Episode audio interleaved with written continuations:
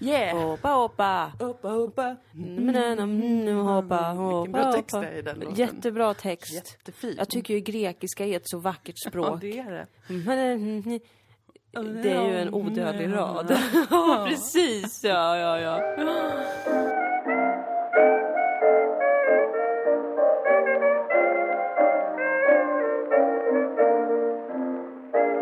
Kanske ska vara lite närmre då. Ja, precis. Det kan vara det. Du kan prata lite högre Ja, också. det kan jag! Det tittar du kan, vad du kan.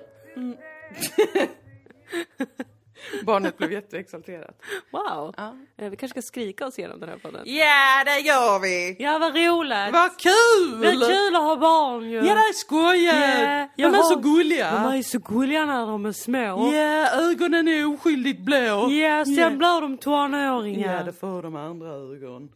Hem, drogögon Ja, mitt i ansiktet. ansiktet. Ja. Gud, vad fint. Ja, Oj, oj. oj. Det kallas för beatbox och det är ungdomarna gör det hela tiden. Skulle du säga att du är en konstnärlig allätare? Ja, det är jag. Ja. Eh, jag skrev min första bok när jag var 14 Ja. och jag gjorde min första beatbox när jag var 15. Ja. Åh, så otroligt vackert. Ja, nu, skäll då. Skäll riktigt ordentligt. Gör din röst hörd. Så se till att skälla nu när någon kommer hem. Nej, Nej, fan vad tråkigt. ja, det var ju riktigt tråkigt. Eh. Klöks istället. Oj, Fick du en klökning av att du hörde dörren öppna? Ja, det är ju tråkigt att ni inte kan se vad som händer nu. Det vi gör är alltså att vi pratar med våran hund. Ja, det här skulle varit en vlogg egentligen. Ja, det skulle det verkligen ha varit. Samtidigt så har Moa på sig en eh, så kallad babybjörn. En bab babissele, en bebissele. Precis, som hon skuttar runt med bebisen i så att han ska hålla käften Ja, vi gör vårt jobb. förklarat. Ja, precis. Jag är en mediamammi idag. Eh, och han är en mediaman Ja. som bara tar jättemycket plats. Eh, Jag tycker att det är äckligt. Ja, kväver mig som kvinna. Det gör han ju, det gör han ju. Sov. Eh, eh, Sov lilla vännen. så... Sov ja. Han sover inte, han är jättepigg och superpeppad. Ja, han är verkligen med i gamet. Mm. Men det är jättebra. Det här är tidigt. podd med barn, hundar, Ja, men kvinnor. gud, det var så himla mycket livet. Mm, men det är ett stort sus och brus hela tiden Ja, i min vardag. är den 27 oktober. Det är Oho! exakt en månad kvar då, alltså datummässigt va, till föreställningen improvisationshumor med Dilan och Moa plus ensemble. Ja, köp biljett. Ah, det går ju inte! Det är slutsålt sedan länge. Det är slutsålt och, eh, men vi har satt in en extra kväll ju. Den första december. Och det är vad jag vet nästan slutsålt. Ja. Det kan vara så nu igen att när det här släpps så kommer det vara slutsålt. Ja. Så grattis till er som har köpt biljett. Verkligen, Den- ni är samhällets elit. Det är ni. Ni är kultureliten. Och den första december då blir det en lite mindre lokal, lite mindre scen. Eh, och det är ståplats, det är värt att veta så man inte kommer dit och blir grinig. Eh, det är dags att träna eh, core och lår och glutes efter pandemin. Så vi vill att ni ska bli fit nu. Det är Det därför. kan bli lite sittplatser. Ja, några. Jag för lobbar för detta. de som men- redan är fit. Precis. men alla tjockisar som kommer. Ja, upp och stå, upp och Ja, stå, det upp och gå. Alltså för mig är kultur lika mycket liksom aktivering av andra. Ja, ja, ja, Ja. så är det ju. Min dotter uh, Liselott, Ja, hon var ju fet som, ja du vet ju. ja jag såg Ja. ju henne. Skickade jag henne på körsång. Ja, Ja. Blev hon smal Ja, då? de stod upp. Ja, Ja, hon blev också ganska mobbad. Ja, hon slutade blev- äta. vad tråkigt. Ja. Men då blev hon Men smal. hon blev så fin. Jättetrindad. Ja, hon ska gifta sig nu nästa sommar. Ja, hon ska. Ja, det ska hon. så det är svårt att hitta kärleken när man bär på det där När man är sådär hullet. stor. Ja, så är det. Fy fan. Jävla vidriga de är. Ja. Vi bär inget ansvar för, för det de säger. Nej, det, tar vi, det gör De vi skånska inte. tanternas helvete. Det här är också en anledning till att man vill att det här ska vara en vlogg. För att om det var det så hade ni ju sett att när Marita och Anita kommer in i bilden, då liksom rullas våra ögonlår bakåt. Alltså vi blir helt vitögda och liksom skakar. Ja, För att det är ju ett högre väsen som skickar dem till oss. så är det. Och eh, för att ventilera kontroll. samhällets vidrigaste åsikter. Precis. Men, eh, men, eh, men det är ju också väldigt snart november. Det är det. Det är det. Det är nästan imorgon, eller vad är det för dag? Ja, Snart alltså är det det. om bara några dagar. Ja. På måndag. På måndag, Är och då är det onsdag när vi spelar in. Visst? Snart är 2021 över. Nej men lägg Snart är ner. det andra pandemiåret över. Shit. Kan du förstå? Alltså det är för jävla sjukt. Men ah, ja, whatever, hur är läget? Eh, Du, det är rätt bra. Mm. Det är rätt bra. Bebisen är väldigt söt. Han sitter och kollar på mig och skrattar. Men han är lite ur balans idag. Ja. Igår var han i balans. Det var en otrolig dag. Han sov jättegott, han Ja. åt ordentligt, han satt och jollrade och gullade så fort han var vaken. Idag är det lite mer så. Han äter lite för lite, han sover lite för kort. Han blir lite sur. Sådana dagar har man ju själv. Det har man ju själv. Jag hade en sån dag i måndags. I måndags, ja, då Ja. var inte vi med varandra. Nej, det var vi inte. Nej, för att när vi är med varandra då ska du inte ha sådana dagar. Nej, då ska Nej. jag vara så jävla balanserad Så jävla balanserad. Jag accepterar bara balanserade människor Ja. och bebisar. Men märkte du nu vad som hände, Moa? Nej. Att jag frågade hur mår du? Jag tänkte på Och det. då svarade du hur barnet mår, Ja. alltså hur mannen mår. Det tycker Ja. jag är lite intressant. Det är jätteintressant. Hur snabbt du det kan fångade gå. något där. Ja. Du fångade något politiskt där gjorde du. Men jag tror att jag Ja. gjorde det. Liksom, Oh god. vi reproducerar patriarkatet också genom att föda patriarkatet. Förstår du vad jag menar? Ja, det är så jävla sant. Jag skäms nu. Vet du, jag tycker att du ska skämmas. Ja, jag ska gå och piska mig själv. Ja. 19 piskrapp med, uh, Ja. med en piska då, rakt av. med 19 tycker jag, men det tycker jag att du ska unna Ja, jag tycker Ja. det är rimligt. Nej, men på grund av bebisen så mår ju jag antingen bra eller dåligt då. Ja, precis. Men då mår jag helt okej, förutom att jag svettas ymnigt genom pannan. Okej. Och Kanske det är lite tråkigt väder. stå och vagga fram och tillbaka hela tiden. Ja, och jag gick ut på barnvagnspromenad Ja. med barnvagnen och bebisen i och hunden Ja. i koppel. Ja. Och så glömde jag glasögon. Mm. Eh, Så att jag såg ingenting. Alltså jag hade inte linser och så hade jag inga glasögon.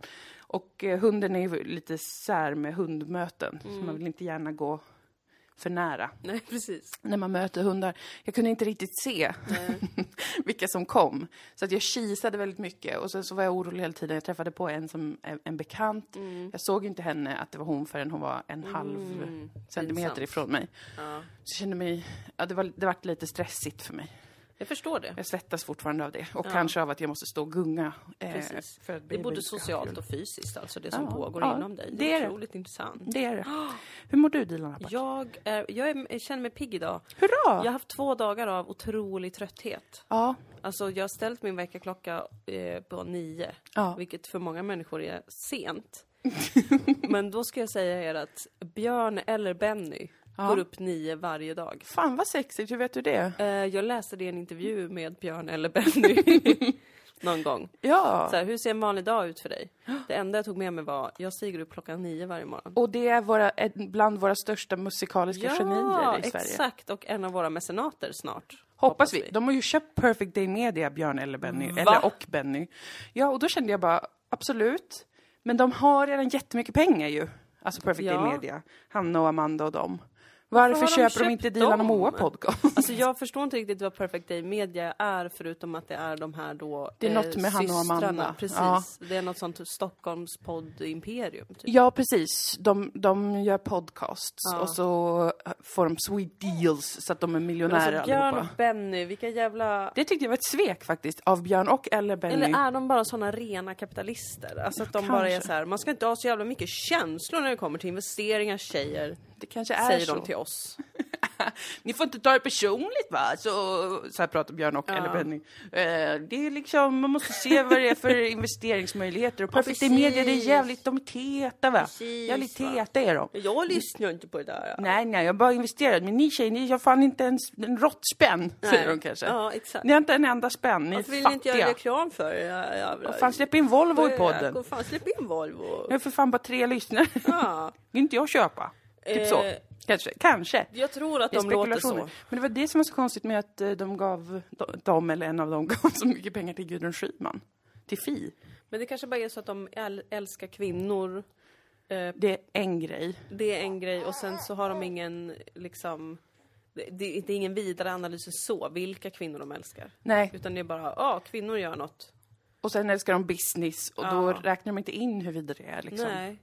Alltså Björn Ja. och Benny, vi kan bara spekulera. Om ni fortsätter ignorera oss. Ja. Jag menar, skulle ni bli våra mecenater, då hade ni fått höras här i podden. Ja, ja, ja, de kan få vara med. Då hade Alltså, ni kunnat få försvara er Nu kan vi inte göra annat än att spekulera. Nej, det kan vi inte. Och vi begär inte heller så där grisa mycket som jag antar att Perfect Day Media begär. Nej. Eller gav, eller vad man säger, fick. Alltså jag vill, ha, inte. jag vill ha 20 000 i månaden efter skatt. Det är ju pissepengar för dem. Ja, ja, alltså det lägger de på en hamburgare ja. på en restaurang. Ja, Varje vecka. ja. Om Köp. hamburgaren inte är så dyr, då lägger de liksom på det i I dricks. dricks! Ja. Hamburgaren kostar 1000, de lägger 19 000 i dricks. Ja. Och det är bara en vanlig onsdag för dem. Jag tycker 20 000 efter skatt i månaden är jättebra. Ja, per person då. Per person, Så ja, det blir naturligtvis. 40 000 efter skatt, 80 000 brutto då, Ja, i månaden. eh, net, 80 000 netto. Är det netto, det som är innan skatt? Det som är efter skatt. Efter skatt, Om vi får 40 000 totalt efter skatt. då är det...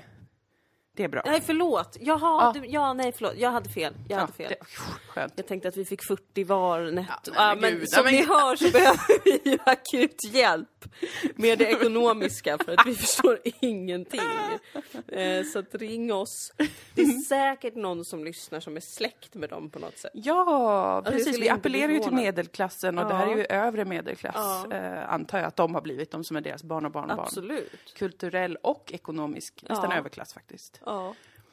Så hör av Och er. jag vet att vi också har några lyssnare i Mexiko. Nice. Skicka drogpengar. Kartellens pengar. Ja, det tycker jag att ni kan göra till oss. Ja, vi, I det här läget tar vi väl emot det. Vi gör inte reklam Nej. dock för kartellen. Nej, det gör vi inte. Eh, vi inte. men, men vi kan ta pengarna. Om det Precis, sker och hålla lite. tyst om det. Ja, ja, ja, själv- självklart. Alltså, då kommer vi aldrig rikta kritik mot kartellen heller. Nej, inte mot något form av gängvåld. Nej, precis. Vi är helt för gängvåld. Ja, vi tycker Säger det är en rimlig del i högt. samhället, kanske vi säger. Precis, precis. Alla mår bra av det. Vad vore samhället utan eh, gängvåld att ställa sig mot? Som man kan Precis. känna sig som en så himla duktig eh, medborgare. Klok människa. Mm, verkligen. Bra! Då Men, har vi eh, hanterat poddens ekonomi. Precis. Ehm, Men du är pigg. Jag är pigg. Jo, precis för att jag ställer min klocka på nio och sen så har jag snusat fram till klockan elva varje dag. Ja. Alltså måndag, tisdag. Och jag har varit så obeskrivligt trött sen hela dagen efter. Mm, Eh, och det har varit otroligt besvärande. Det förstår jag. Det är inte kul att vara så trött. Det är inte kul att vara så trött. Men idag eh, är jag pigg. Hurra, vad skönt. Hurra, hurra, hurra för mig. Mm. Jag är så glad för det. Jag är också glad för det, för man blir så ledsen av att vara trött när man ändå har fått sova. Ja, och det känns som att man har någon sjukdom. Ja, och så känner man sig som en dålig människa. Det är synd, Ja, för att det är man tyvärr. inte. Tyvärr. Eh, Ja, i natt så vaknade bebisen, för första gången på flera veckor vaknade han redan halv två. Oj. Vi somnade vid elva. Han brukar sova till fyra eller fem, Mhm. så fem eller sex timmar. Skryt i babyvärlden. Mm. Men, men det är ju jätteskönt och lyxigt och eh, man är är välsignad. Mm.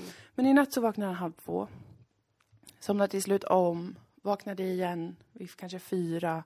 Halvsomnade, vaknade, halvsomnade, Mm. vaknade. Till slut så bara lät jag honom ligga på mig och äta på mina pattar. Mm. Och sen sov jag Mm. till halv tio. Skönt. Det var som att jag verkligen var en orangutangmamma Ja, som bara hållade ut tits. Och så lilla ungen som bara klänger sig fast så. precis. Så att jag fick ändå sova, men, men det var väldigt hackigt sådär. Men jag kände mig ganska pigg ändå Ja, vad bra. idag. Vad bra. Eh, men lite besvärad då. Ja. Av saker som att eh, det här med att jag glömde glasögonen var en stor grej för mig. Jaha, var det? Mm, jag kände mig så värdelös. Jag kände mig som ett sånt ett skämt. Nej, men varför det? Men för att jag såg inget bra och så var jag så ful och svettig. Ja, För att det är ganska varmt. ja. Och för att jag var tvungen att rodda hunden och Ja, barnvagnen. Och sen är barnvagnen väldigt ful för att jag har inte gjort det jag hade tänkt göra med den. Den är inte, alltså det ser ut som en helt vanlig barnvagn. Men jag, jag har komplex varje gång jag är ute med den. Ja. Jag ser alla sådana fräscha eh, Möllan-mammor som har sådana nya barnvagnar. Jaha. Och den här är ju funktionell och bra, men vi fick den gratis av kompisar som använt den för två barn. Så den är lite sliten och sen tog jag bort liksom, det var sånt här hand, på handtaget i svart Mhm. som var trasigt. Så jag bort det och så köpte jag nytt. Ja, det var en stor grej i somras. Det var en stor grej. Innan barnet kom så kände jag, jag är inte redo att få barn för jag har för full vagn. Ja, precis. Mm. För att jag skulle göra den fin då. Mhm. Men sen har jag inte hunnit eller orkat eller Nej. brytt mig tillräckligt. Så att den ser för jävlig ut nu. Och så hade jag ingen, jag har ingen bra filt till honom så jag tog en filt från soffan. Mm. Som är jättestor, så det ser ut som att jag är en sån, eh, alltså en bag lady. Som har lagt ner massa kuriosa i vagnen och ute och går. för att samla in saker. Så, Ja. Så då kände jag liksom, fan vad skabbig jag är. Alltså Ja. varför kan jag inte vara fräsch?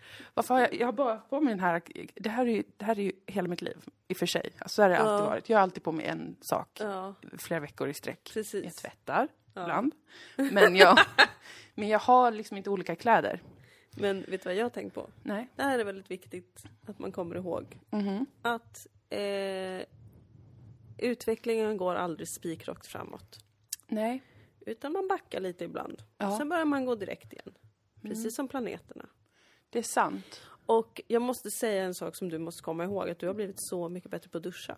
Ja, tack. Det här, det här tänker jag på. Ja. Att du har till och med börjat okommenterat springa in i duschen. Ja. Alltså det föregås inte av en jättelång, idag ska jag duscha.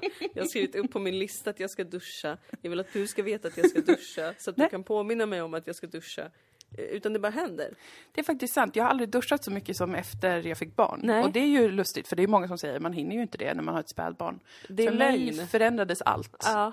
Eh, till det bättre. I det att jag började duscha mer. Mm. Och det är sådana saker du måste komma ihåg när du känner Ja, dig värdelös över vissa grejer. Det Det här ska du också komma ihåg, något som jag insåg nu. Mm. När vi pratar om det. Är att jag tog cykeln till körskolan i måndags. Ja. Och sen gick jag från körskolan. och kom på sent på kvällen. Min cykel är på körskolan. Jag måste hämta den imorgon. ja. Och sen igår kväll insåg jag, min cykel är på körskolan. jag har inte hämtat den idag. Jag får hämta den imorgon. Och nu när vi pratar om det. Så Att vara jag riktigt att misslyckad i vara så city. otroligt dålig och misslyckad. Det är jag också. Vad skönt. Hashtag never forget. Mm, det är bra. För det är ju, det är ju inte så himla farligt att Nej. glömma cykeln eller glömma glasögonen Nej. ibland.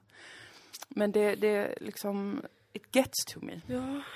på ett konstigt sätt. Ehm, jag vet inte riktigt varför. Du vill vara så himla med hela tiden. Ja, jag vill, vara, jag vill det.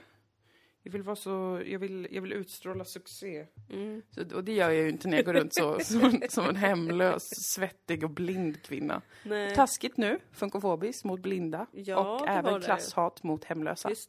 Tråkigt att det skulle behöva Vilken landa i det. skandalös podd. Vidrigt gjort. Det är ju inte konstigt att Björn och Benny inte vill investera i något så kontroversiellt. Nej, det är sant. Förlåt mig. Men alltså, låg status. Jag ehm, läste Liv Strömquists nya bok som handlar om utseende. Mm. Den var toppen och den, då handlar det också lite om hur det här med hur man framstår ju. Att det blir en besatthet, inte för att man vill vara attraktiv för det motsatta könet, Mm. utan för att man annars får en, eh, hon skrev det roligt, en diffus känsla av låg status. Ja. Om man känner sig ful Ja. och eh, lite tarvlig, misslyckad. Och det undrar jag hur man kan komma från. Är det bara ett mentalt game kanske? Alltså det Alltså är släppa väl... sig själv lite mer. Är det inte något djupt mänskligt att premiera skönhet också? Jo, och status kanske att man vill känna sig, alltså nu, jag var ju ute på Mölla, alltså det är inte som att jag går runt på i något jätterikt kvarter där alla andra mammor har, alltså Nej. stämningen här är ju ändå att de flesta är hemlösa och Ja. narkomaner. Precis. Söder om Nobelvägen, Ja, här det är inte så. vackert. Det är Nej, det är det inte. Det är liksom, går över Nobeltorget och det är ju, alla där ser ut som jag. Men det är det som För jag att de är hemlösa på riktigt. Ja, jag tycker att det är väldigt skönt eh, med mm, eh, Möllan-Nobel-trakterna för att antingen så eh, ser folk ut som skit för att de verkligen har ett skitliv och är fattiga och mår dåligt eller så är det medelklass som har en sån stil. Ja, Så just att det. alla är ändå fula, vilket jag tycker är väldigt befriande. Liksom fula på det, alltså lite sjaskig stil. Ja men precis. Att man har en, en nopprig fleecetröja för att man är en cool medelklasskatt. Exakt. Eller så har Exakt. man det för att man har ingenstans att bo. Man har fått det av en medelklasskatt. Som Från tyckte Myrorna. synd om en för att man fryser Ja. när man tigger. Eh, så det, det är ju ett tips. Det är sant och det är ju skönt. område. Men varför påverkar inte det mig till det bättre då? Jag ändå känner så här. Jag stötte på, på kyrkogården när jag gick promenaden, Mm. Malmös enda park. Kyrkogårdarna. Södra Malmös enda park. Ehm, då, då gick det förbi mig ett äldre par, de kanske var 60, 70, Ja. nej 60, 65. Ja. Vitt hår hade båda. Mm, otroligt fräscha. De kom gåendes från innerstan. Stern. Från de fina kyrkogårdarna. Ja, precis. Och gick, eh, gick mot de fula delarna av Mm. kyrkogårdarna, där jag gick. Mm. Och så såg jag dem och så kände jag bara, "Ah, fan vad pinigt för mig. Att jag ser så skitig ut. Nej men, Och det är gamla människor, alltså det var inga som jag ville gå på fest med eller jobba, ha ett samarbete med eller någonting. men du har ju en historia av att vilja imponera på den äldre generationen. Eller i alla fall bekräftas av dem.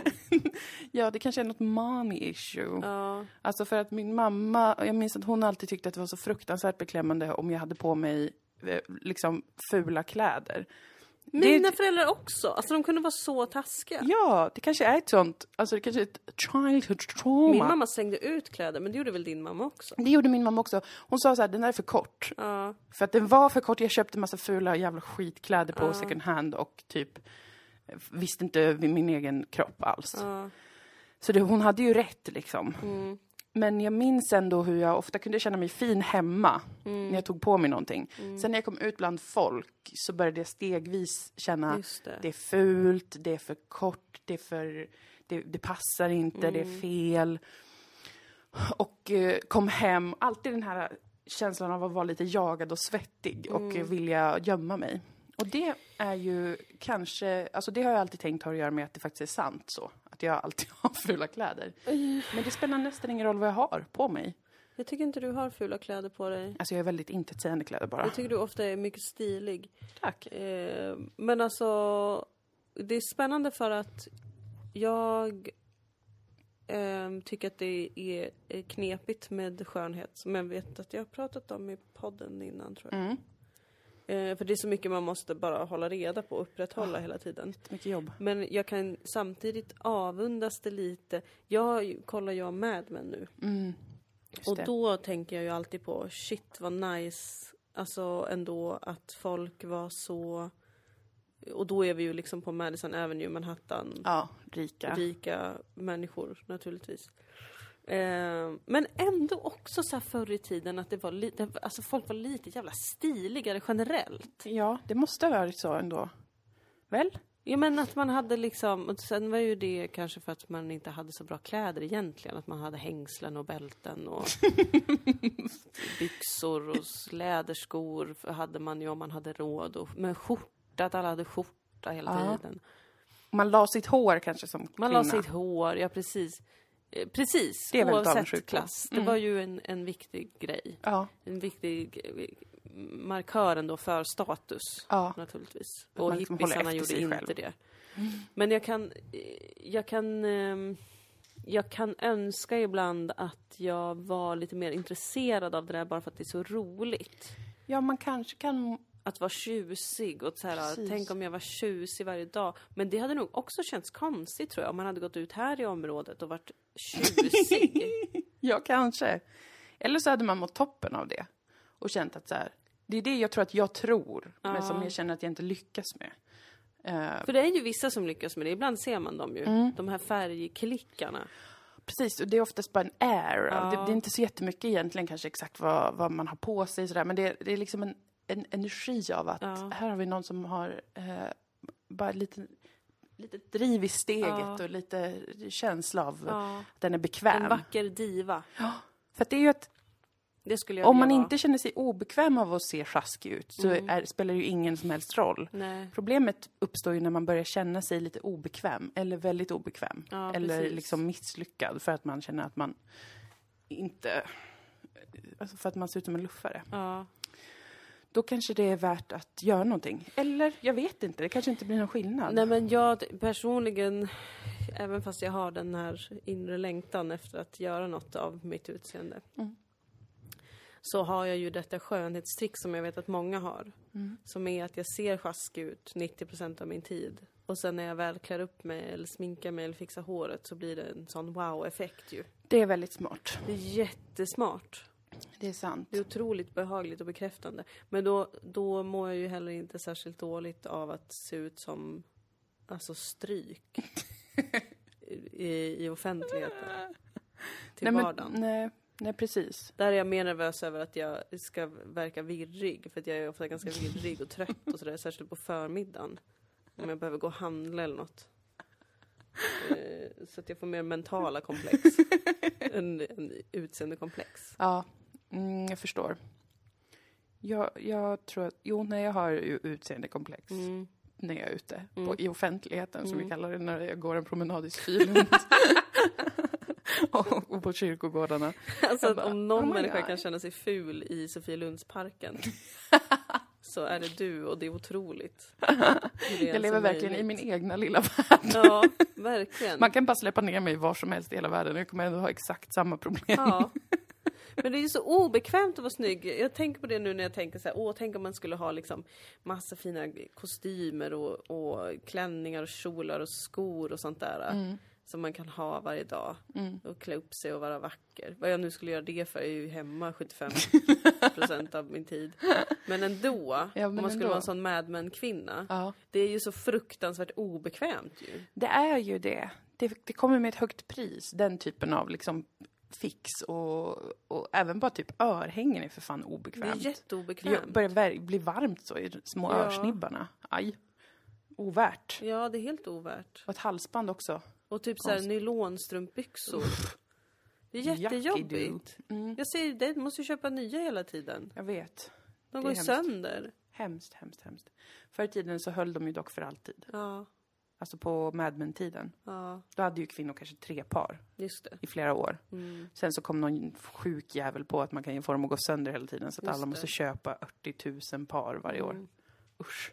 Fy! Fruktansvärt är det. Ja.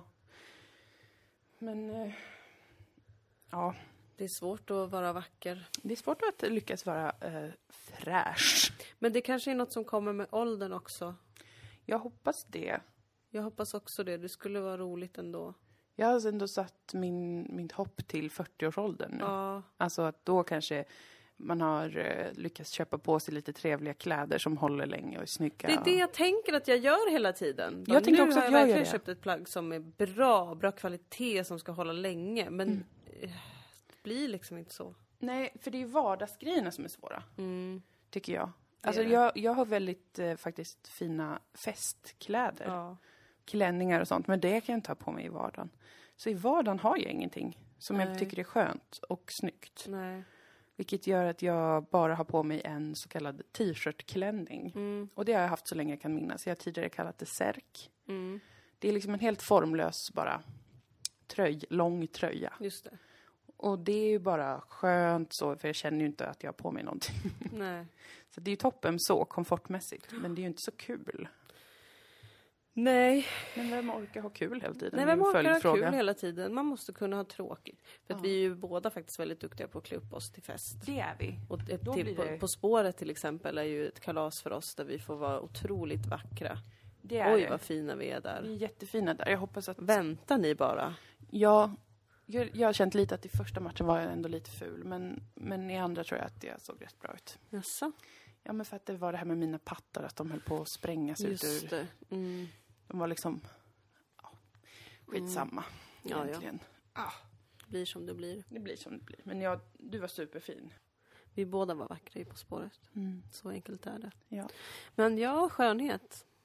Begayer Intressant är det ju i en tid där skönhet ju är så viktigt. Fast jag köper inte riktigt det. Jag Nej. tror skönhet alltid har varit viktigt. Jag skulle också vilja säga emot mig själv. Mhm. För att jag vet att jag har varit så här, eh, för några år sedan i alla fall, i podden, att jag har klagat på att folk är så himla nakna hela tiden. Ja. eh, och jag har förstått mer och mer att men alla har ju alltid varit besatta av den nakna kroppen. ja, visst. Det är Jämt sant. och ständigt. Det enda människor har brytt sig om är ju att få titta på någon som är naken. och snygg. Ja, ja. Men nakenheten trumfar ju ofta snyggheten, vilket man kan se i till exempel porr. Det är sant. Det är sant. Mm, det är nog eh, precis. Det är inte något nytt i sig själv. Bara Nej. formerna för det kanske blir nya Ja, så att säga. precis. Med social media etc. Eller hur? Men det gamla sanningen att skönhet kommer inifrån, Ja, den har ju lite grann försvunnit. Ju mer... eh, det alltså, har det tror jag ändå häng, hänger ihop med att man ser så mycket bilder hela tiden. Mm. Och att det är de man bedömer och de är också alltid... Det är ganska lätt att se. Ja, Alltså en idiot kan ju se vad som enligt normen är snyggt på bild. ja, precis. Men i verkligheten, den mer komplexa verkligheten, mellanmänskliga Mm. sådana, då är det ju lite svårare. För att då kan ju någon som är väldigt objektivt snygg vara komplett ointressant och Mm. eh, osexig på alla sätt. Mm. Och vice versa. Någon som enligt normen ser ut som stryk kan Mm. vara en väldigt sexig eller charmig eller intressant person på grund av andra saker. Ja, visst. Det är ju en gammal sanning som kanske lite grann eh, har blivit sekundär. Ja, för det är en sån eh, grej som jag har blivit så förtjust i. Mm. Alltså när jag har vuxit upp Mm. och förstått, eh, fått fler och fler bevis på att skönheten kommer inifrån. Ja. Alltså att man har kanske trånat efter folk som har varit objektivt snygga men insett att Mm. Jackadio. personlighet är fruktansvärt. Mm. Eller folk som ser helt okej ut, Mm. som har en hemsk personlighet. ja, Eller en underbar personlighet. Oavsett så påverkar det ju hur jag uppfattar den personen, även liksom rent ytligt. Ja, visst, för att status eller vad man ska säga, eller attraktion och sånt där, det hänger ju också ihop med eh, de sociala aspekterna. De är Mm. lika viktiga för oss människor Mm. att kunna avläsa som den har ett symmetriskt ansikte, eller vad det nu är Mm. man alltid säger är det som är så himla snyggt. Precis. Så det är ju en lika stor del nästan, Mm. skulle jag, skulle jag ändå våga säga, i verkligheten. Mm. But it doesn't translate perhaps to the internet or to the pictures. Men det är också så här, jag fattar inte att folk inte är mer oroliga över att, eh, att, eh, alltså att de ser så annorlunda ut på internet jämfört med verkligheten. Alltså för det är det som, en sak som jag tycker är jobbigt med ehm, eh, typ, ja men att lägga ut bilder på sig själv och selfies och sånt där, Ja. är ju att jag tycker man ser så himla, himla annorlunda ut Mm. på en stillbild. Ja, men det, man kan ju se ut på tusen sätt också. Precis. Bara inget är likt den. Och det blir Ibland. en sån konstig grej tycker jag. Mm. Mm. Och särskilt de här som har mycket filter och, och smink och allt sånt. Mm. Precis, det är som att, Att det jag är hade varit så jävla nojig. Ja, men det är som att det är så separat. Ens Ja, liv och ens eh, yttre på sociala medier kanske då. Versus ens verkliga liv där alla vet hur, hur man ser ut. Jag är Man så rädd ut för att låta dömande. Mm, men det är okej att vara Man dömande. Jag tycka tycker vi ska folk- reclaima att få vara dömande. Ja, faktiskt. Ett jävla töntar som lägger upp selfies. Jag gör det. Gud, du är töntig. Uh-oh. Eh, Du ser inte ut sådär verkligheten. Sluta upp med det där. Du är så vacker utan spackel och filter. Ja, nej men jag kan förstå att man, att man gör det. Det kan jag väl förstå faktiskt. People will be people. I'm like a little lost sheep and I can't sleep, but I keep trying. Ha, har det hänt något nytt då? Ja, I livet? du, eh, nej.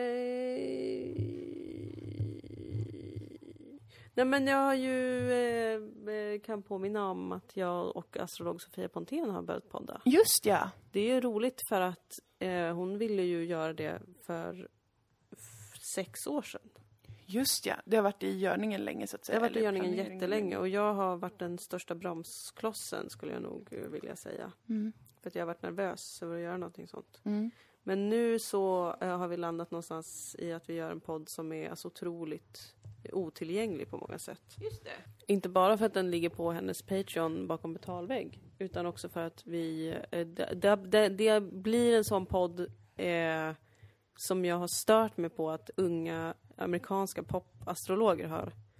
Att det är så internt. Ja, ja. Att det är inte förklarande. Nej, det är inte förklarande överhuvudtaget. Så att man måste ha lite förkunskaper och sen stå ut med att vi pratar om våra horoskop jättemycket. Men då kan ni döpa den till något så astronördarna. Den heter Double Mercury. Ja. Det är Sofia som har, hon, hon bara gick och döpte den. Ja. För att vi, För att ni båda- våra, vi är Merkurius-solar båda två. Hon är Aha. tvilling och jag är jungfru. Ja, ja, ja. Så den kan man ju, om man går in på Patreon så kan man söka på Scorpio Rising så kan man prenumerera på den. Mm. Om man vill det. Spännande. Jag räknar med att få lyssna gratis, men jag kan inte så mycket så att jag Nej, kanske ändå jag inte, inte- kommer gilla den. Jag tror inte det kommer vara så kul för dig. alls. Gilla kommer jag väl göra, men jag kommer inte fatta och hänga med. Nej, precis. Nej, men så det känns lite roligt tycker jag faktiskt att jag har släppt mycket ängslighet över att eh, prata om eh, astrologi. Ja, fan vad bra. Jag tror också för att jag har kommit till en nivå. Jag kände att jag liksom kunde för lite förut för att Ja, ja. få uttala mig om det. Ja, men nu ja. har jag ändå hållit på med det tillräckligt länge tycker Det jag. har du För verkligen. att få babbla, Ja. inte vara någon expert. Nej men du läser ju hur mycket som helst. Ja, det det. hela tiden sitter jag med något jävla skit. Ska du Progression. inte börja sälja konsultationer nu då? Mm, ja, kanske snart. Alltså, jag man kan få köpa lite. Precis. Jag har gjort det gratis hittills. Ja, För att jag inte tyckt att det är rimligt att jag tar betalt för något sånt. men nu skulle du kunna börja ta en viss... En viss ändå. liten summa. Men jag tycker det är så knepigt med det där också. För att det, och så där har jag varit själv när jag har liksom eh, suttit i konsultationer eller gått till medium eller vad jag nu har gjort. Mm. Att man går in i den här rollen som den som inte ska säga någonting. Att det blir så här, upp till bevis, berätta nu allting Ja. om mig och allt du ser i framtiden. Fast en, en konsultation absolut inte går till så. Inte en astrologisk i alla fall. Det är mycket, mycket, mycket, mycket mer ett samtal. Mm. Och det tycker jag är lite svårt. Det är jättesvårt Det är förstås. svårt att föra ett sånt samtal. Jag måste, lära, jag, måste, jag måste knäcka koden för hur jag ska prata med människor om deras horoskop först. Ja, och kanske så att folk har rätt förväntningar. Ja, press. Eftersom att det inte är en jättevanlig sak. Nej. Så kanske om man inte vet så mycket så kanske man tänker att det är det man ska få. Alltså Ja. att någon ska berätta för en vad som ska hända i ens karriär. Ja. Eller någonting. Fastän det inte riktigt fungerar så ju. Nej, exakt. Exakt. Och det, den, den bilden tror jag många fortfarande har. Ja, det tror jag också. Även jag har haft det. Ja. Att det ska vara en sån fortune teller som bara Ja. Du kommer träffa en man i gryningen som pratar spanska. Men eh, ja, nej, det händer. Jag tycker det känns skönt bara. Ja, Att inte vara så ängslig kring det där längre. jätteskönt. Inte tro att alla kommer avfärda mig för att jag också tycker att astrologi är kul. Nej. Bra, Mm. tycker jag. Mm. Det har ju... Det... det own, own that. Yes, I will own it. För att det är kul tycker jag. Det är intressant. Så att för min skull. Det är jätteintressant. det är det faktiskt. Det är jätteintressant. I 90 Day Fiancé, The Other Way Around, Mm. som jag kollar på nu, då är det ju en 63-årig kvinna som heter Jenny som har träffat en indisk man som Mm. heter Sumit. Och eh, han, de träffades lite kuriosa, träffades så att han catfishade henne Just och kallade det. sig för typ Josh och skickade bilder på en jätterippad eh, britt. Och hon bara, mm, okej, jag blir raggad på. Och sen så fick hon reda på att det, var en eh, indisk man. Men då var hon så här, he's cute! He's cuter Wow. than Josh. Så blev de ihop, Ja. ett distansförhållande. Och så har hon åkt till eh, Indien och i nuläget i den senaste säsongen så Ja. bor hon där. De kan inte gifta sig för hans föräldrar tycker det är sjukt vidrigt att hon är så gammal. Just det. Men i alla fall, kopplingen till astrologi är Ja. att eh, han och hans familj går till en astrolog Mm. och har gjort det hela sina liv. Och det är tydligen rätt så vanligt då Mm. i Indien. Att man har liksom, som att man har en husdoktor, Ja. fast en husastrolog. Ja. Och eh, då var det väldigt roligt då för att den astrologen sa att han hade sagt till Semits pappa att du kommer få problem med det här barnet. han kommer mest troligt träffa en väldigt opassande eh, partner. Åh gud vad roligt. Och det kommer vara en stor konflikt. Ja. Hon kommer vara gammal. Hade han sagt det? Han hade sagt det, alltså när, när Sumit var ett litet barn. Ja. Så hade han sagt det till hans föräldrar, till hans pappa. Och jag undrar vad han har tittat på då? Det undrar jag också, för då, då är det ju alltid den här, äh, näsvisa skulle ju säga då att, eh, ja men för att han har sagt det så blir det en grej. Men han hade ju inte sagt det till Sumit, Nej, utan till pappan. precis. Så att, hade han sagt det till honom, till Ja. Sumit, då kanske det hade funnits liksom att man öppnar upp för någonting genom att säga det här kan hända dig, Så du då kommer... gör man automatiskt det. Precis, att man börjar leta efter vissa saker då kanske Mm. undermedvetet och medvetet eventuellt. Och att man ökar oddsen för att något sånt ska, för att han ju ska träffa en Precis. 63-årig tant Ja. på internet. Ehm, men han hade ju inte sagt det till honom. Så det var Nej. ganska eh, roligt, Åh, tyckte jag. Att den här astrologen nu när han kom dit med den här gamla tanten bara, ja ja. Ja, Här precis. kommer de. Här kommer de. Det var så hon såg ut, ja. Ja, det var. Ja. Men Nej, då, men- då, förlåt, men då undrade jag. ja. Det eh, angränsar ju till någon slags, ska man säga, Mm. framtidsförespåning. Va? Ja. Att förutspå framtiden Ja. på ett sätt. Hur, hur tänker du kring det? Mm, Kring just jätteintressant fråga. Ja, för det är det jag har svårast personligen med, att liksom få mitt huvud runt. För att som jag förstår det så handlar det ju inte astrologi, det är ju inte fortune telling, det är ju inte så här, du kommer hitta en pengasäck eh, Det under kan din ju säng. vara det. Berätta mer. Alltså det är ju, det, astrologi, är- det man måste komma ihåg Mm. är ju, var kommer astrologin ifrån? Jo, från astronomin. Mm. Astrologi är ju det som från början var astronomi och sen så har det förgrenat sig. Studiet av stjärnorna Precis. och kosmos. Och man upptäckte att vissa stjärnor eh, står still och vissa stjärnor rör på sig. Mm. Eh, och sen har man då börjat studera korrelationen mellan de här stjärnornas rörelser och saker som händer på jorden. Så att det är tusentals år av insamlande av data kring vad händer när olika planeter står på olika sätt. Och då har man ju kunnat också börjat förutse saker. Att man typ vet den här, att det här brukar korrelera med den här typen av händelser. Precis. På- klassiska grejer är typ olika Jupiterrörelser kan korrelera med olika kungars uppgång och fall och eklipser också eh, och sådär, alltså förmörkelser. Mm. Så att det där, där kommer ju det förutseende in, Mm. som egentligen bara är gissningar baserat på His, hur det historia. brukar vara. Mm. Ja. Men så, att, så att det, det är ju en del av det, men sen så modern astrologi används ju jättemycket också bara för att förstå saker som har skett. Mm. Eh, så att det är ju lika mycket att titta bakåt. Mm.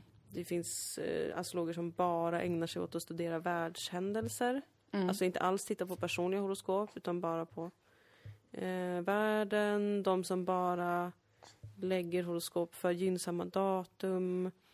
Eh, dödshoroskop finns också, det tycker jag verkar jättespännande. Mm. Men det där är ju en jätteintressant fråga för att det det handlar om är ju inte bara kan man förutspå saker utan också är vi eh, vad är vi styrda av? Mm. Och Är är vi- tiden linjär? Ja, precis. Och har vi ett öde Mm. eh, eller en viss karma som, som man i liksom den hinduiska traditionen kallar hor- ens horoskop. Hela Mm. ens horoskop är ens karma. Aha. Ehm, och där vet jag inte riktigt. Nej. Jag tror att jag tror att ehm, det absolut finns kanske förutbestämda mönster. Mm. Men vägen dit behöver inte vara så exakt på Nej. något sätt. Nej. Jag tror man kan jag tror man kan förändra sin väg till vissa saker men att vissa saker också fan ta med är förutbestämda Mm. på den här resan. Men att det ju också är beroende av Eftersom att jag inte tror att tiden är linjär Nej, precis. så tror jag att ens Nej, karma... självklart inte. Nej men visst är det så. Jag tror att ens karma är ju inte, kommer ju inte ur ingenting. Utan Nej. då kommer ju ens karma ur vad har hänt i ditt för, tidigare liv, vad kommer hända i ditt nästa. Mm. Och att man kan peta i grejer. Jag vet inte, jag tycker det är jättesvårt. Det är, jätte, det är supersvårt. Jätte, jätte, Mind-boggling. What is the, the, the purpose and Yes. the foundation of our universe? Men jag har ju sett tillräckligt många astrologiska exempel nu för att känna att det finns någonting här. Alltså jag har sett tillräckligt många exempel på saker som har förutsetts Ja. med hjälp av astrologin och sen har hänt. Ja. Men eh, det, det tänker jag fortfarande att så här, ja, det kan ju bara vara slump. Ja, det kan ju det. Man kan ju inte få någon garanti för det verkar ju inte gå att forska på. Eller liksom, eh, ja. Men det blir ju, i, i slutändan blir det en fråga om finns ödet. Ja, just det. Är, och är det förutbestämt? Precis. Eller händer allt för första gången just nu och är en slump? Mm, Men vad är då slump? mm, Det är ju det, är ju det som är mm, också, om man tror på slumpen, vad, vad är det för någonting? Eh, vad är det att det skulle vara helt randomiserat, allt Ja, som händer? Att allting är ett kaos med bara slumpmässiga ja, följder. Vad, vad gör, vad har skapat det? För det, det är också i ett födelsehoroskop till exempel. Absolut att du kan använda det för att förutspå saker men du kan ju också se saker som redan har hänt Hmm. i ett födelsehoroskop. Du, du Intressant. kan ju se dina föräldrar eller dina förfäder i horoskopet också till exempel. Det är ju jättekul. På vilket sätt typ att man kan se att... eh, Alltså för, man har olika sätt att tolka det på. Många brukar tolka månen till exempel som mamma.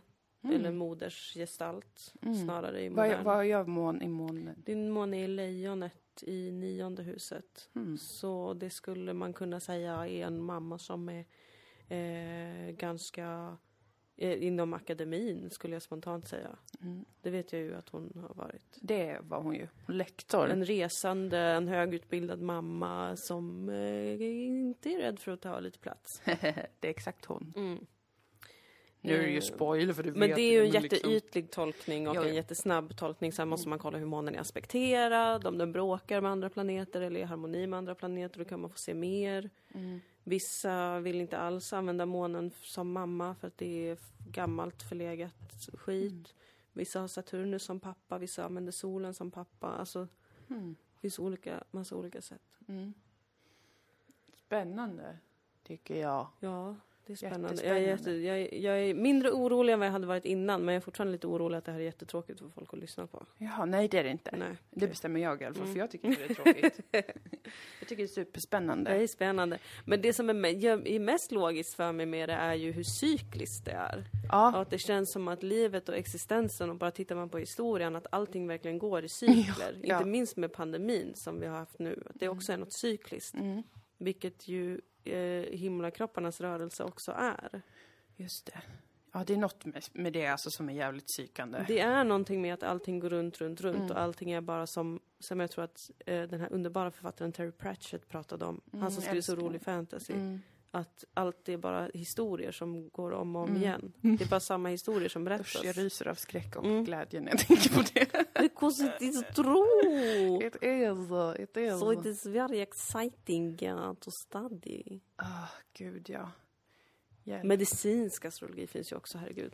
Just det. Bara som ett exempel på fler Mm. eh, områden. Specifik, eh, specifika Mm. områden. Mm. Det är så spännande med Indien att de, att de har den kulturen. Så jävla nice. Jag skulle också vilja, men du är ju min husastrolog i och Mm. för sig. Det är ju. Ehm, det är bra. Det är Mm. bra.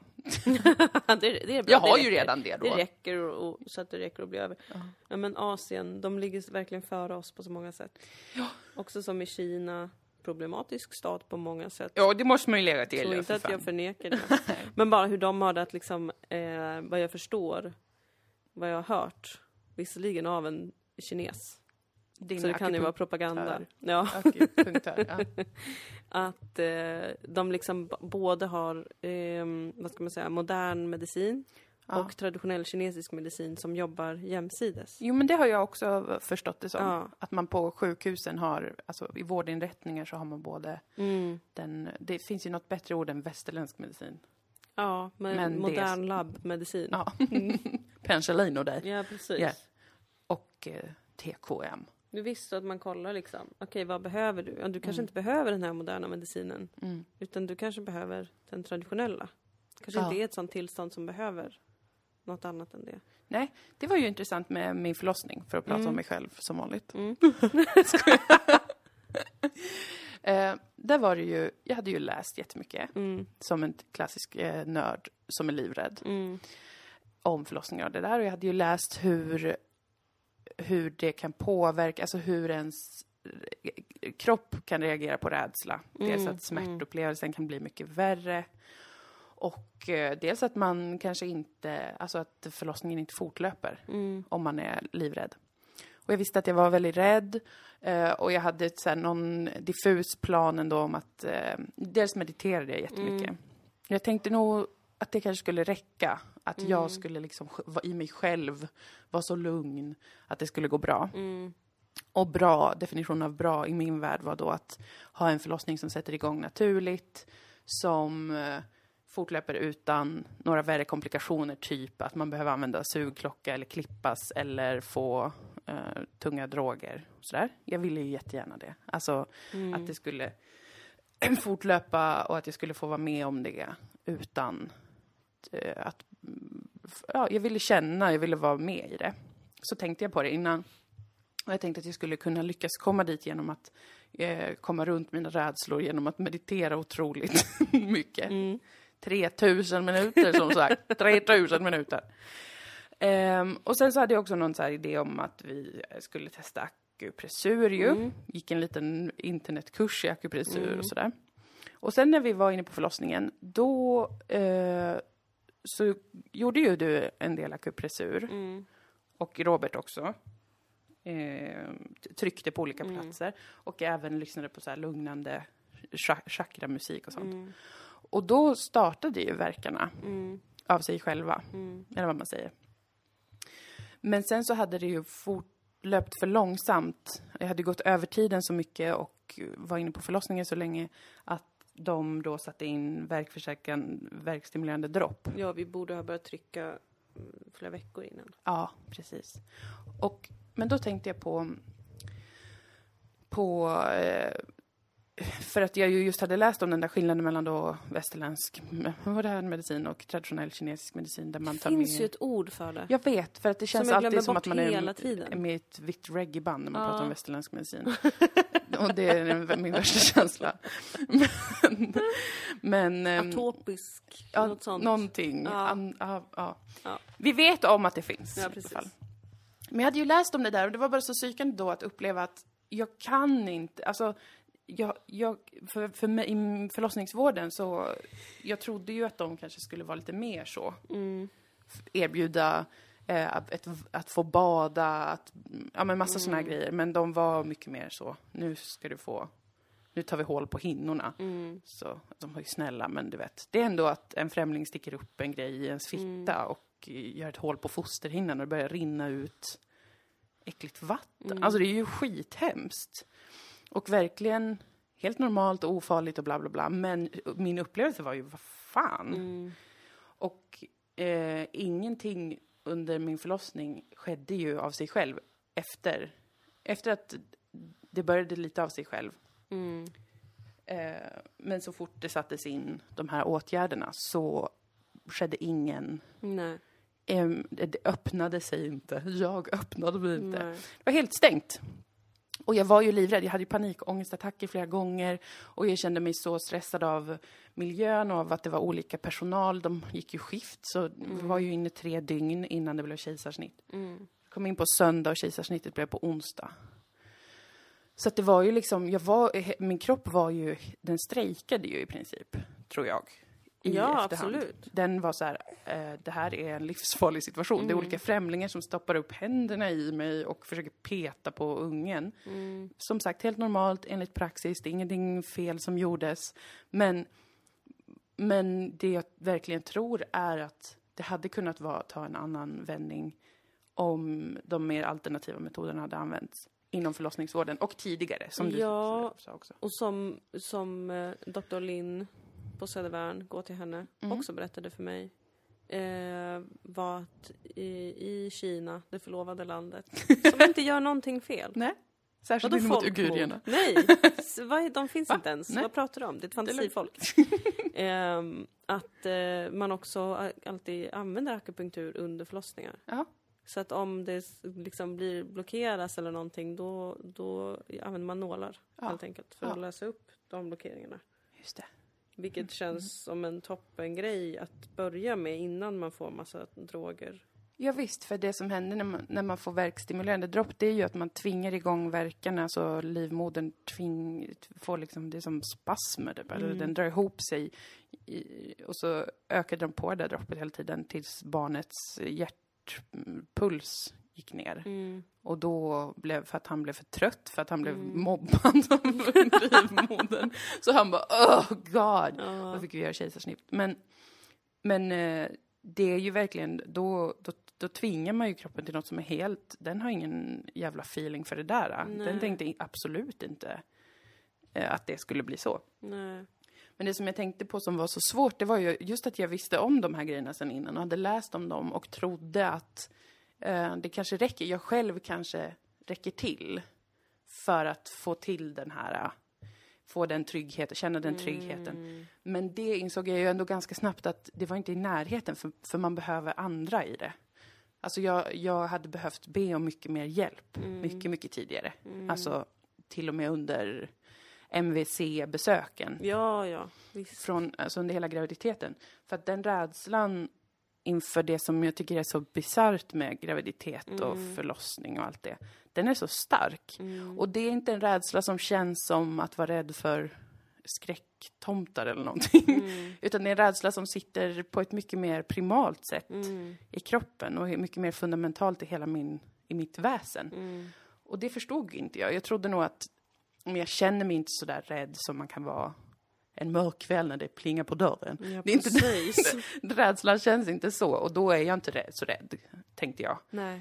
Men det jag förstår nu i efterhand var att alla de där signalerna som var, kom från min kropp, typ att jag blev väldigt stressad eller jag ehm, fick svimning, yrsel och, och, och den här konstiga, vad heter det, när man liksom känner som att man förlorar kontakt med verkligheten. Mm, ja. Eh, typ såhär när jag kände sparkar och sånt där. Det var inte såhär, åh men gud vad gulligt, utan det var såhär, woof, Mm. woof, this is fucked up man. Och som en såhär utifrån Mm. känsla, typ jag förstår inte hur det här kan hända, jag förstår inte. Och det är ju en typ av rädsla. Men Mm. som jag då inte tänkte på som rädsla. Just det. Och därför inte heller kanske tog det på det allvar som jag nu vet att jag kommer göra om jag någonsin är gravid. Ehm, Jag visste att, att komma ihåg att uh, rädsla inte alltid är den där skräckkänslan är. nej, precis. Som man kanske känner en mörk kväll när det plingar på dörren. precis. Precis Utan- som att ångest ju kan ta sig så många olika uttryck. Det, där var ju, Mm. det som du beskriver är ju saker som jag också har upplevt när jag har haft väldigt mycket ångest. Ja, Men inte förstått att jag har det. För att jag, innan har jag bara kopplat ångest till en jättejobbig känsla i magen typ. ja, Inte att man blir svag eller yr eller mår illa eller nej. Men konstiga blödningar. Man har inte lärt sig det för att man inte heller har med sig den, de jätteviktiga perspektiven som handlar om hur olika upplevelser och rädslor sätter sig fysiskt. Mm. Väldigt fysiskt men också på ett paradoxalt sätt i själen som finns Ja, i ens och fysiska själ hör Ja, de är ju, hör ju, de är ju Ja. ihop. Och det, det tänkte jag på liksom väldigt mycket också då just att sättet som jag tog mig an den rädslan eller det jag uppfattade som okej, jag är nog ändå, jag tycker nog ändå det är obehagligt. Mm. Det var att jag skulle ändå klara det själv. Vilket i sig själv också är väldigt då västerländsk medicin. LOL. Alltså att man så här, det här, är, det här är jag, det är min kropp och då ska jag också fixa så att det blir eh, bra. Ja, det är ju västerländsk kultur. Ja, det är kultur, Ja. sitter hela kulturen. Och också, jo men också att ett medicinskt problem då, Mm. eller problem, men ett tillstånd, ett fysiskt tillstånd, typ att vara gravid. Att det också är helt individuellt, alltså det är Mm. också bara någonting som händer i mig. Istället för att se att det är någonting som händer i, i, för mina nära och kära också. Mm. I och med att alla bryr sig om mig och det här barnet och Mm. jag kan luta mig mot andra i en graviditet och under en förlossning. Mm. Det är det hela konceptet med doula håller på att Mm. ta, ta eller liksom visa på mer och mer också hur många eh, har mycket positivare upplevelser av en förlossning om de har med en, en doula. Typ.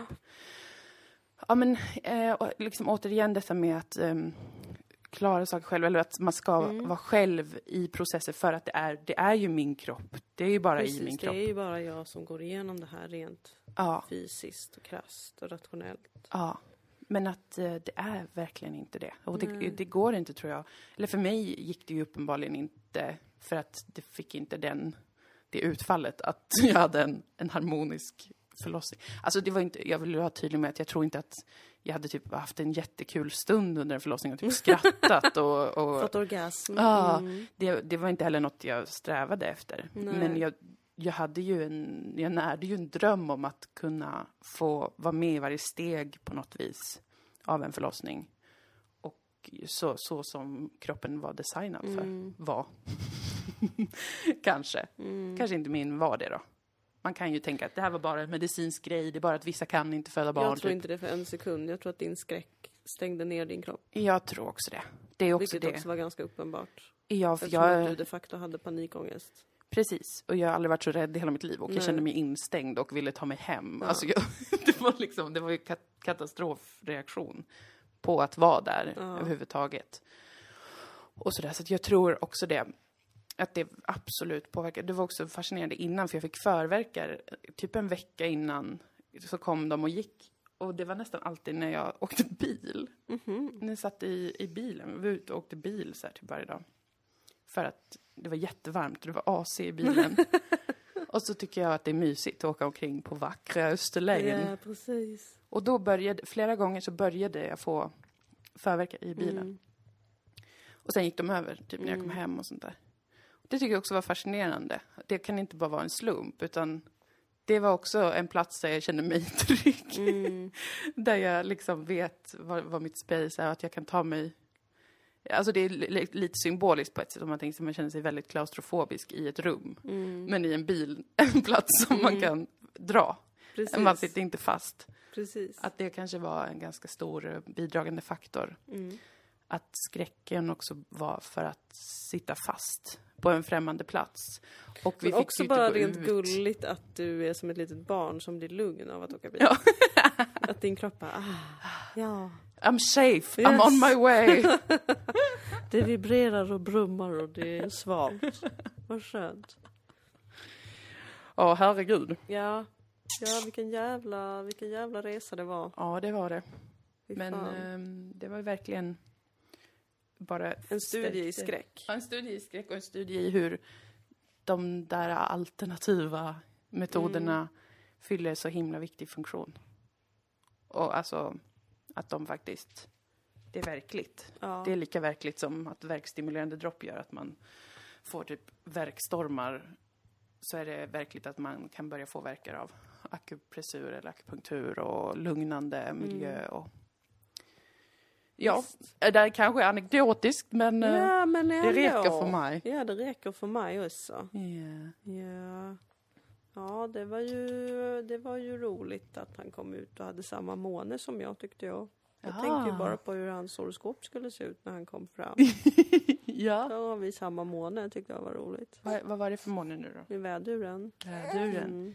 Nu vaknar du och du ja. vill säga till Dilan. Ja, det är för att vi är månsystrar. Ja, vi är månesystrar lilla vännen. ja, ja, men då ska vi väl avrunda innan han börjar gasta. Ja, det ska vi göra. Nu ska Ja. du förhoppningsvis äta och sen ska jag gå och en Ja, massage. just det. Herregud, ja.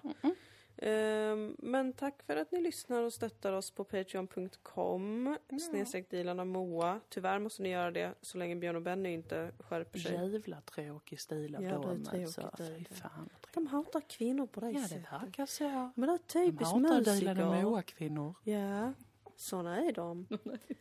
Och jättekul med alla som har köpt biljett till våra improshower. Ja. Det kom, vi kommer ju sätta upp fler datum Ja, för fan.